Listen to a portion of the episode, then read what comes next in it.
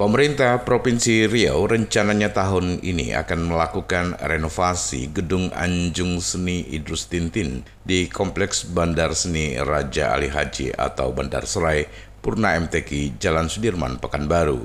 Pasalnya sejak dibangun, gedung tersebut belum ada perbaikan secara menyeluruh. Hal ini disampaikan Kepala Dinas Pariwisata Provinsi Riau Roni Rahmat kepada wartawan di Pekanbaru.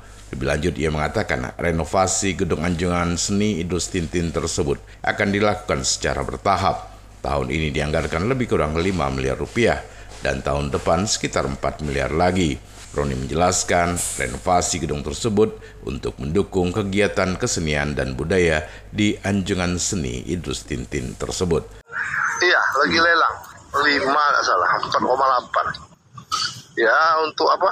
Untuk menunjang apa kegiatan di sana karena sudah sejak dibuat dari tahun berapa loh belum pernah oh, gitu. ada renovasi keseluruhan berarti sudah apalah hmm. anjungan itu aja anjungan. itu bertahap total renov itu sebenarnya sebenarnya 9,2 9 miliar lebih tuh oh. tahun ini dianggarkan 5 hmm. tahun depan tuh. sisanya di tahun depan itu ya hmm.